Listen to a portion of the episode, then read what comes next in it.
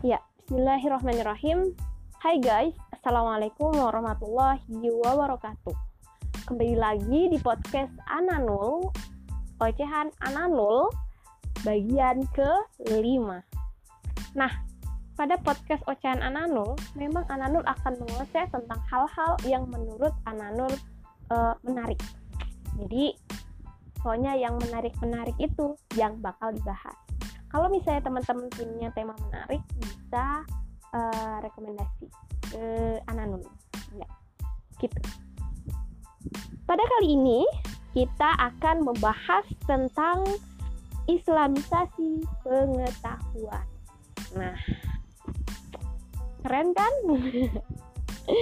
Ya Islamisasi pengetahuan adalah gerakan intelektual internasional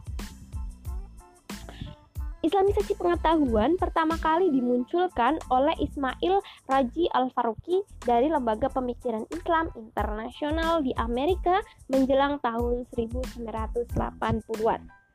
Nah, gagasan ke arah Islamisasi pengetahuan sebelumnya sudah dicetuskan juga oleh Naquib Al-Atas dari Malaysia. Ini juga kalau misalnya kita ngomongin Naquib Al-Atas itu uh, ternyata dia juga punya ya bau-bau Indonesia gitu. Astagfirullahaladzim. Apa sih ngomongnya uh, ada Indonesia Indonesianya lah. Ya. Um, terusnya Islamisasi pengetahuan berusaha supaya umat Islam tidak begitu saja meniru metode-metode dari luar dengan mengembalikan pengetahuan pada pusatnya. Apa pusatnya? Tauhid gitu dari tauhid mak dari tauhid itu akan uh, ada tiga macam kesatuan yaitu kesatuan pengetahuan, kesatuan kehidupan, dan kesatuan sejarah. Selama umat Islam tidak mempunyai metodologi sendiri, maka umat Islam akan selalu dalam bahaya. Nah, itu uh, jelas Kunto Wijoyo dalam bukunya uh, Islam sebagai ilmu met epistemologi, metodologi dan etika. Nah, kemudian nih selanjutnya yang dimaksud dimaksud dengan kesatuan pengetahuan itu adalah bahwa pengetahuan harus menuju kepada kebenaran yang satu yaitu uh, Tuhan yang Maha Esa yaitu Allah Subhanahu wa taala.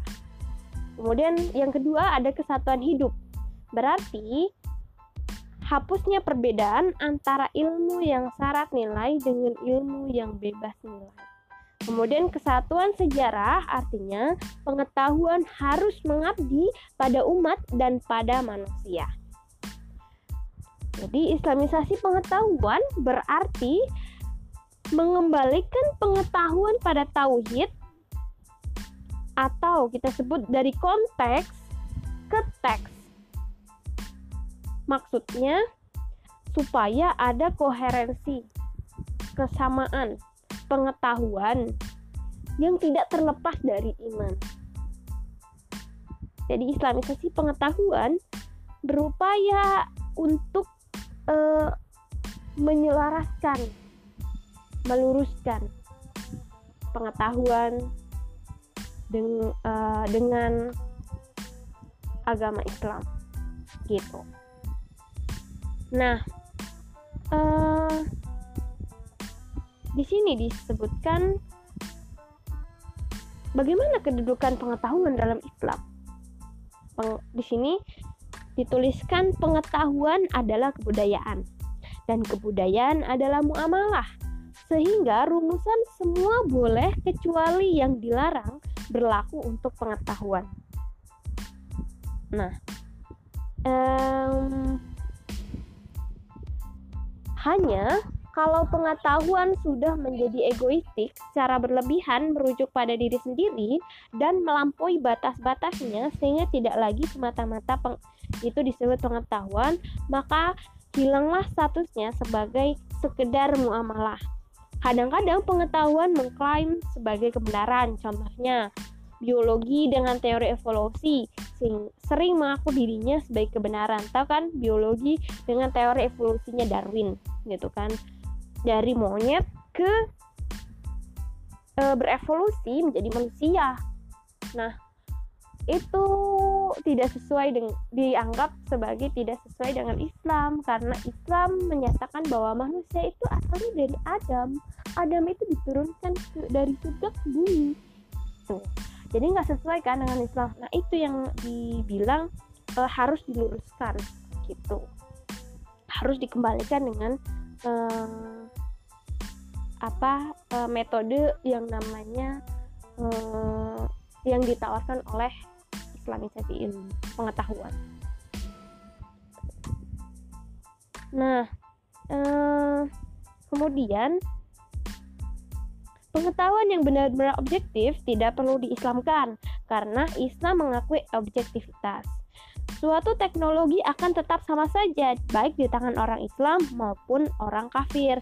Karena itu, kita harus pandai memilih mana yang memerlukan Islamisasi dan mana yang tidak metode itu di mana-mana sama. Ya kan? Metode survei, metode partisipan, metode grounded dapat dipakai dengan aman tanpa resiko ya akan bertentangan dengan Islam. Tidak ada kekhawatiran apa pun dengan ilmu yang benar-benar objektif dan uh, sejati tulisnya. Jadi islami islamisasi pengetahuan sebagian memang perlu dan sebagian adalah pekerjaan yang tidak berguna itu tulis Kunto Wijoyo teman-teman bisa baca uh, tentang islamisasi pengetahuan itu bukunya Nakut Alat itu ada. Kemudian hmm,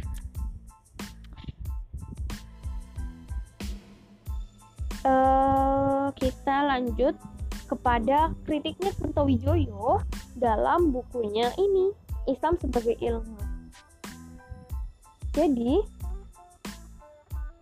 Kunto Wijoyo itu uh, prihatin dengan gagasan islamisasi pengetahuan yang cenderung bersifat reaktif. Saya tadi kan. Nah, jadi Kunto Wijoyo menawarkan nih suatu penyikapan baru perihal hubungan antara agama Islam dengan ilmu pengetahuan. Menurutnya, dalam ilmu gerakan intelektual Islam harus melangkah lebih jauh, uh, yakni bergerak dari teks menuju konteks, gitu. Nah, jadi ikhtiar keilmuan itu memiliki tiga sendi yang ditawarkan oleh Konto Wijoyo, yaitu pengilmuan Islam sebagai keilmuan yang bergerak dari teks Al-Quran menuju konteks sosial dan ekologis manusia. Maksudnya apa? Jadi Al-Quran itu kan diturunkan untuk menjadi pedoman uh, manusia. Nah, untuk menjadi solusi uh, dalam kita menjalankan kehidupan. Nah, dari konteks itulah kita harus menawarkan Islam untuk menjadi solusi bagi realitas uh, sosial kita, dari problem-problem sosial kita. Kemudian uh, kemudian ada paradigma Islam dari pengilmuan Islam menuju paradigma Islam adalah hasil keilmuan yakni paradigma baru tentang ilmu-ilmu integralistik sebagai hasil penyatuan agama dan wahyu. Jadi paradigma Islam itu Islam itu sebagai sistem seperti itu. Kemudian uh, Islam sebagai ilmu yang merupakan proses sekaligus hasil. Nah, atas gagasan itulah yang dari Kunto Wijoyo ini mengajak intelektual Islam untuk mengganti islamisasi pengetahuan menjadi pengilmuan Islam gitu. Jadi Islam tidak hanya sebagai uh, apa apa ya Islam tidak hadir sebagai uh, simbol saja tapi juga menjadi um, solusi dari masalah so, kita harus kata Kontawi Joyo kita harus meninggalkan islamisasi pengetahuan yang gerakan dari konteks ke teks nah kita harus melakukan pengilmuan Islam yang bergerak di, dari arah yang berlawanan yaitu teks menuju konteks. Gitu guys. Nah terus kita ngomongin apa lagi nih? Mungkin uh, itu saja ya yang bisa uh, aku jelasin di podcast kelima. Ya memang ya memang sederhana tapi mengajak teman-teman untuk uh, bersama-sama belajar. Sebagai umat Islam kita perlu apa namanya uh, memberikan bukti bahwa Islam adalah rahmatan lil alamin. Lewat apa? Lewat ilmu. Jadi kalau misalnya kita lihat ya sedih sih kalau misalnya kita lihat uh, kita lihat peraih mod, no, peraih penghargaan Nobel. Itu apa present pre, pre, presentasi aduh ya presentasi umat Islam yang meraih Nobel itu cuma 0,8 persen. Yang menerima penghargaan Nobel. Bayangkan guys. Dari uh, apa ya? Misal dari bra berapa miliar penduduk bumi yang beragama beragama Islam dari semua per, yang mendapatkan Nobel itu cuma 0,8 persen. Buat menghargai uh, untuk apa apa yang apa uh, bikin fokus bikin gak fokus kamu nih jadi uh, dari misalnya dari uh, serat jadi peraih Nobel kalian bisa tahu cari tahu sendiri. Cuma tadi aku baru nemu yang mendapatkan Nobel atas nama orang Islam itu cuma 0,8 persen. Sedih kan? Ini sedih banget itu mah. Padahal Islam itu pernah mencapai uh, apa the golden age-nya Islam. Jadi ilmu pengetahuan itu berkembang luar biasa. Kemudian eh, apa namanya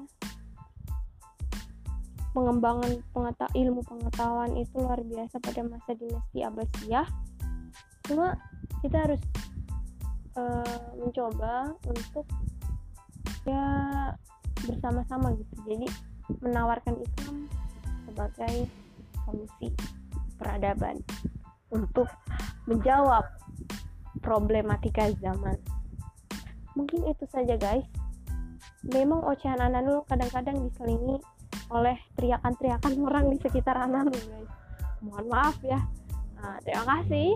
Tetap sehat, uh, tetap jaga kesehatan, tetap bahagia dan tunggu podcast Ananul selanjutnya. Terima kasih. Assalamualaikum warahmatullahi wabarakatuh.